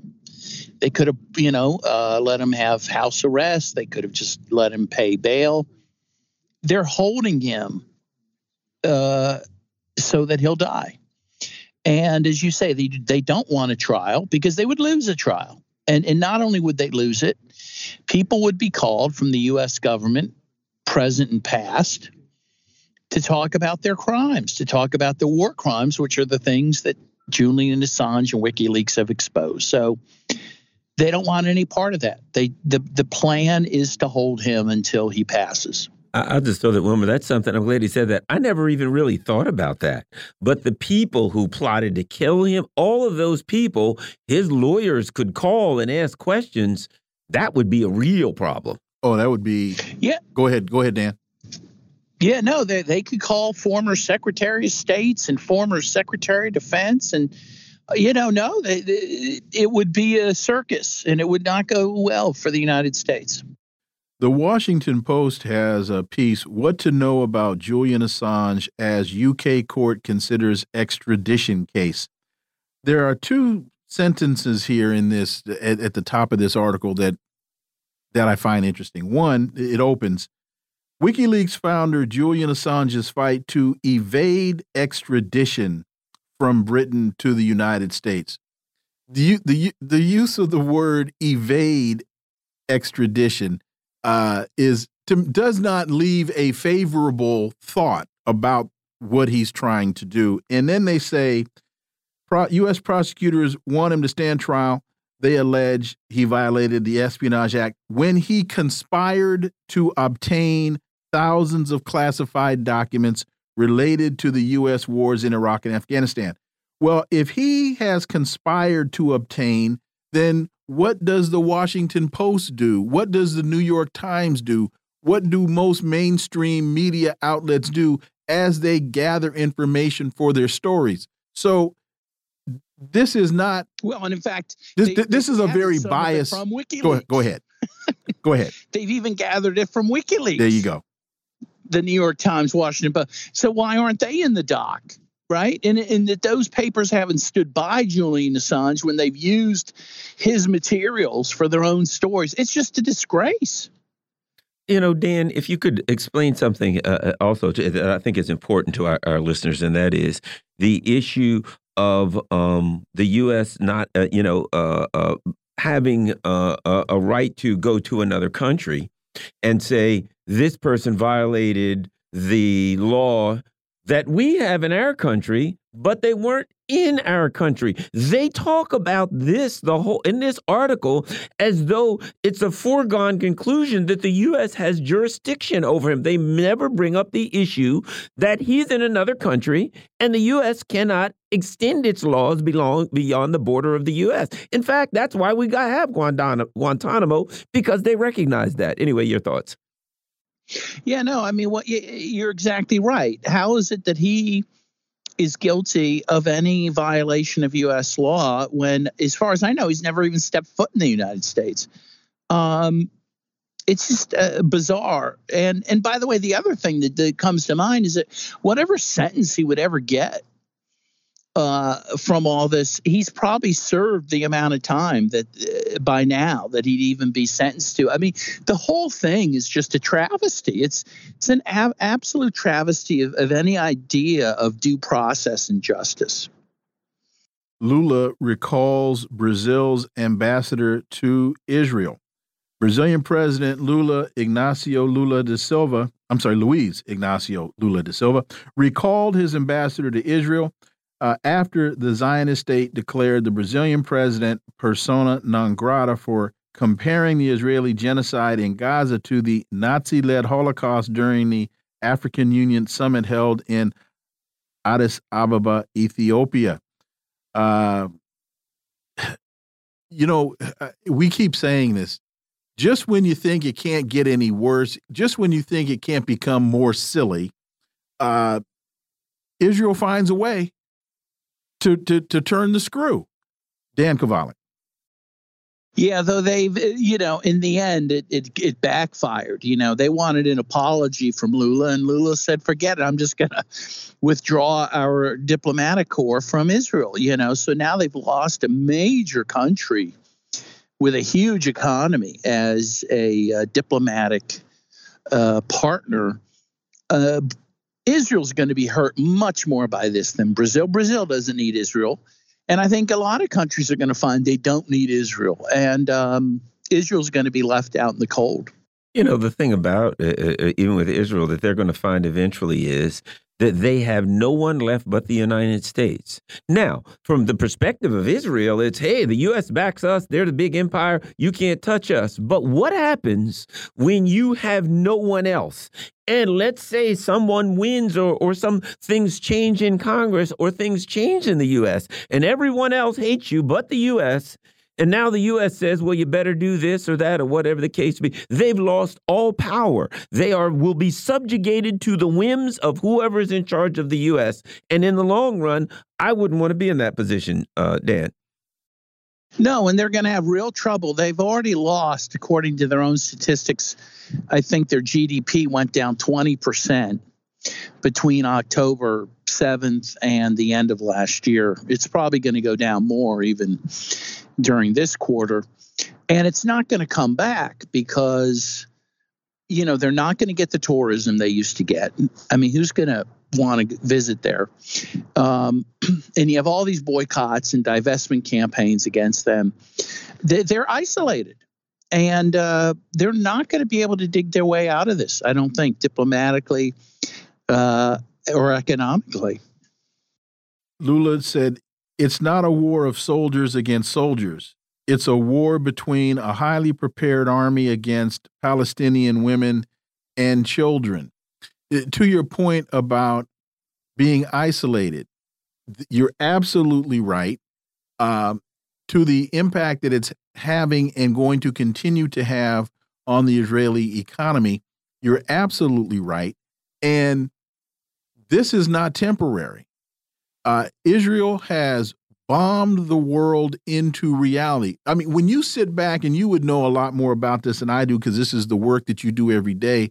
Let me ask you, Dan, when you looked at the uh, what the um, BDS movement five years ago, could you have predicted that the politics related to this issue, let's say even say three years ago, could you have predicted that the that the politics now would be where they are relative to the Zionist state? No, no, I think that would be impossible to predict it. But now you see companies like McDonald's and Starbucks admitting they've lost billions of dollars due to this campaign. It is a successful campaign, and I think it will become more successful. I think just like uh, you know, singers were you know, uh, cowed into not playing Sun City during uh, South African apartheid. I think that was that was my next question. That that, that yeah. was exactly my next question, Dan. Is are we now? Is Israel now on the path of South Africa? I do think that. You know, I do. And I think it's, of course, poetic justice that it's South Africa taking them to the International Court of Justice. When, by the way, of course, we know Israel was the last holdout to support apartheid South Africa. I mean, even when it was too embarrassing for the United States to do it, Israel stepped in, which they've always done in those sorts of situations. So, but yeah, I think Israel is the new South Africa. I think it will be. They won't get entertainers to go there. Again, they're not going to get tourists to go there. People are not going to buy their products. It's it's it's not good. I think I think Zionism is a project is in the death throes at this point. What are your thoughts? You know, there's a, a there there's a, a, a case that's being I think heard now. They're discussing about the um, Israel regarding the um, occupation of Palestine, um, which is a little bit different. But your thoughts? Are you familiar with that with that ongoing case?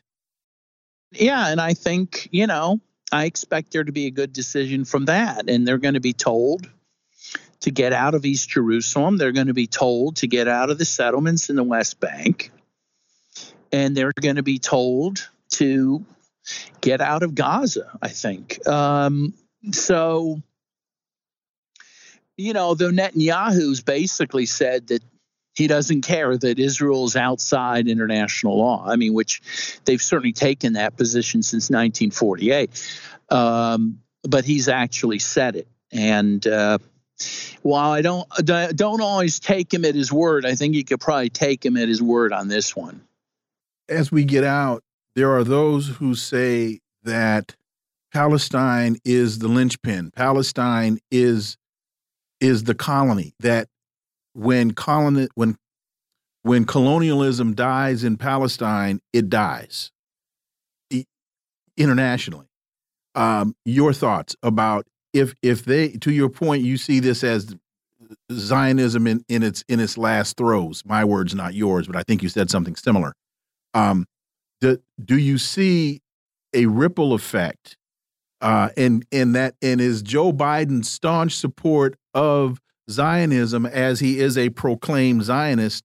Is that in the back? Well, who knows what's in the back of his mind? Is that in the back of the mind of those that are advising him that they must maintain the Zionist state because once that collapses, colonialism collapses. I certainly think they see that. I and I, I don't think the collapse will be automatic or instant, mm -hmm. but I do think I think it will lead to that. Mm -hmm. I think you know there's a lot of analogous situations in the world and I think you know peoples that are in similar situations to the Palestinians will not take it anymore. Um, yeah, I mean, I think you know, I think Palestine's always been a linchpin. You know, I think uh, a lot of people saw that who were smarter than me. Malcolm X saw it. Uh, che and Fidel Castro saw it. You know, mm-hmm. um, I think it, it is true. It's it's the it's a a battle that needs to be won for humanity. Professor Dan Kovalik, as always, thank you so much for your time. Greatly, greatly appreciate that analysis, and we look forward to having you back. Thank you very much. Folks, you are listening to the Critical Hour on Radio Sputnik. I'm Wilmer Leon. I'm joined here by my co host, Garland Nixon. There's more on the other side. Stay tuned.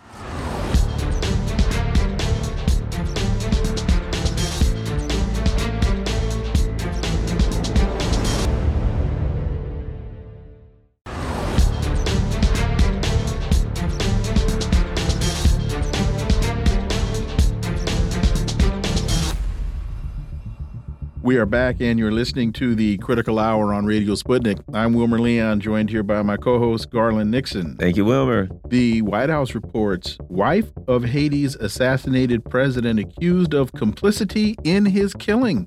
A Haitian judge investigating the assassination of President Jovenel Moise in 2021 has indicted 51 people in connection with the attack, including his widow, Martine Moise, and the leader who stepped in after the shooting. For insight into this, let's turn to our next guest. He's a journalist and editor at Haiti Liberté, Kim Ives. Kim, as always, welcome back. Thank you, guys. Glad to be back. So, a group of gunmen wielding assault weapons assassinated Moise and wounded his wife at their home in the hills overlooking Port au Prince in 2021. A final report into the attack by Judge Walter Voltaire, obtained by the Washington Post, accuses the former First Lady of complicity in the assassination and associating with criminals. Uh, you, what what should we make of this as an accusation, Kim Ives, and then what comes from it? Well, on the face of it, it seems to be a completely political ruling. Um, uh, Voltaire went to the prime minister, uh, the, the de facto prime minister appointed by the core group, that is the U.S. affiliated embassies in Haiti, uh, went to clear it with him before releasing the report, apparently. And uh, the irony is that Ariel Henry himself is one of the principal suspects in this killing. Uh, he held he had two phone calls. He had many phone calls, in fact, with a fellow called Badio, Joseph Badio, uh, in the days leading up to and then after the assassination. But there were two in particular, three hours after the killing, uh, with Badio and Ariel Henry. Ariel Henry had been uh, uh basically summoned by a judge to answer about this, and he ended up firing the judge and not answering. And um, uh, the uh, he claims that he doesn't remember the phone call. Seven minutes, seven minutes they talked, according to the phone records. So, so now the judge in in Haiti, people should understand you have what's called an investigating judge, who is similar to a grand jury he goes and he interviews people, et cetera, and then he makes the, the charge, the indictment. So he, in, instead of following what was in two, uh, what's called the DCPJ, that's sort of the FBI, if you will, of the Haitian police, they had two reports, one shorter, one quite a bit longer. A lot of the things that were in those reports are not in Voltaire's. And things that were not in the DCPJ report are in Voltaire, like the fact of Martine Moise, who was wounded, wounded next to her husband in the bedroom where they were shot, uh, and went to. It was flown to Miami, medevac to Miami. She got three uh, um, uh, uh, um, bullets in her arm. Um, damn near died apparently from loss of blood, and um, so it, it, seemed very counterintuitive, to say the least, that she would have been involved. And I have to say, you know, the two of them, uh, whatever you think about Jovenel Moise, Martine Moise was like his alter ego. They were they were partners. They were a pair. They'd known each other since they went to high school together uh, and had you know married you know they were extremely close. That that was very clear from from uh, the press reports and everything you could see uh, in Haiti during his, his reign. And um, So to say that she would have uh, offed her husband, and let's okay, let's even take for a second that she did. Why would she do it in their bedroom in their house above the city? Why wouldn't she have him killed when he went on a trip somewhere without her? Why would she have to do it in such a way that she gets shot? So the whole thing seems really cockamamie, and plus the fact that they also accuse in this report the very people who are leading the uprising against Jovenel, uh, against uh, Ariel Henry right now. Uh, in particular, a guy called Claude Joseph, who was the prime minister beforehand. He had been an interim prime minister, and he was basically uh, kicked to the curb to make room for Ariel Henry. And then uh, more importantly, really, is another guy called Jean Tel Joseph, who is the head of what's called the BSAP, the Surveillance Brigade of Protected Areas. Now, this is a force that began as basically armed park rangers. We've talked about it on this show before, but now they're a militia of many thousands of uh, men who have basically uh, volunteered and are coming forth to carry out a revolution in Haiti. So Jean-Tel Joseph of BSAP is accused. Claude Joseph, who leads uh, one of the political parties opposed to Ariel Henry, trying to get him to step down, and Martin Moise. So, not a word about it about Ariel Henry or about the phone call with Badio. And in fact, just to finish, it was Badio who is the guy who gave the order to the Colombians, apparently, to shoot Jovenel Moise. They didn't know who he was. They said, Is this the guy? And they described him for Badio, and he said, Yeah, that's the guy, kill him. And they did. Now Badio is the one accusing Martine Moise. Well, okay, if you're in the clutches of Ariel Henry, obviously you're not going to accuse him and sign your own death warrant. So apparently, uh, if he did even say these things, uh, he's pointing the finger at uh, Martine and saying she wanted to be president. So the whole thing is really cockamamie. Well, you know, and uh, uh here's an article that, that we reported a long time ago, just throwing that in there. Several tied to Haiti assassination plot were previous U.S. law enforcement informants. That's on CNN, right? Even in here, they say that um, some of the uh, people who are accused are awaiting trial in Florida. Well, what jurisdiction does Florida have over Haiti? They leave out the connection that the plot was hatched in Florida. It was completely connected to the United States. The people that did it were trained by the United States. And as soon as it happened, the U.S. went and grabbed two of the uh, accused assassins and brought them back here and then started admitting, oh, yeah, they're our informants, but clearly that has nothing to do with it. You didn't mention they were paid. Yeah, we left that out. Huh? Okay. All right. Your thoughts, Kim? They leave out all of the ties to the U.S. I'm just saying that. Go ahead.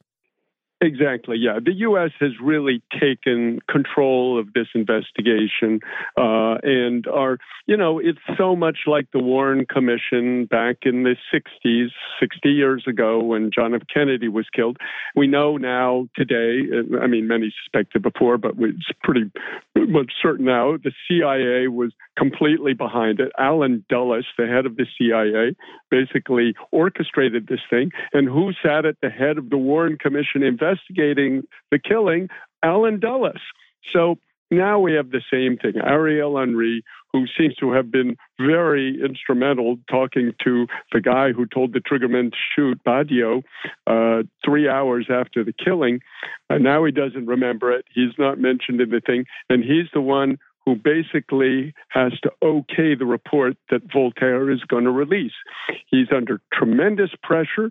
The country is rising up. I just got back uh, from a shoot, and uh, I'll tell you, uh, we didn't meet a single person who would support uh, Ariel Henry, and the demonstrations are just huge. The uh, wreckage and uh, aftermath of all the barricades throughout the city are in every intersection and every thoroughfare. So this guy is on very, very thin ice. And uh, this is just, as they say in Creole, a fuite en avant, a flight forward. What, if anything, does it mean that this was published in the Washington Post? And with your just coming back, beyond the description you just gave us, what's what's your sense on the ground when you deplane when you step onto the tarmac and you take a deep breath what what do you take in?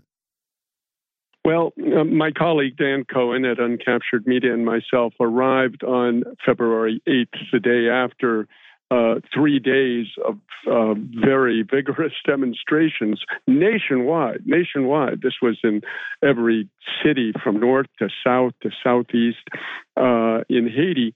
Um, so it, it was. Um, it, it, was like some post-apocalyptic film. The streets were completely deserted. You know, you're driving down uh, these empty roads and just through all this wreckage and smoking piles of burned tires and burned cars, and it, it was. Um, and you know, we went uh, through to uh, some of the areas. What what what Ariel Henry has done is he's paying some of the gangs to uh, basically attack neighborhoods, uh, in particular, like Jimmy Chérizier's neighborhood, who we visited, uh, another neighborhood called Solino nearby, from which he's taking in uh, refugees. We talked about this in last week's Haiti Liberté. Um, so uh, you have this sense of uh, basically struggle, armed struggle in the streets being sort of uh, uh, uh, contracted out to these criminal gangs to fight against the healthy neighborhoods that are fighting Ariel Henry and to pin them down.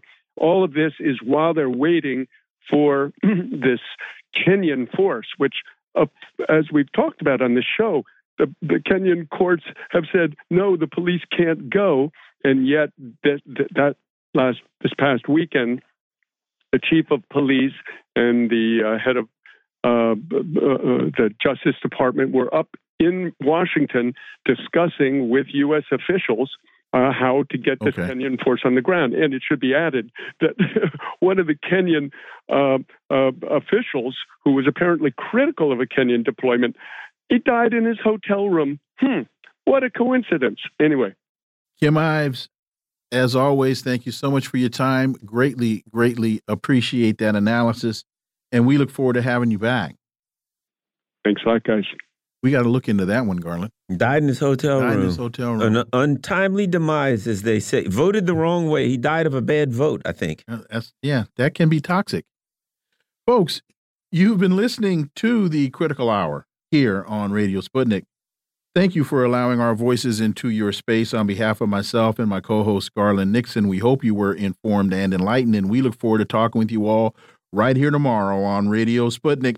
Be safe. Peace and blessings. We're out.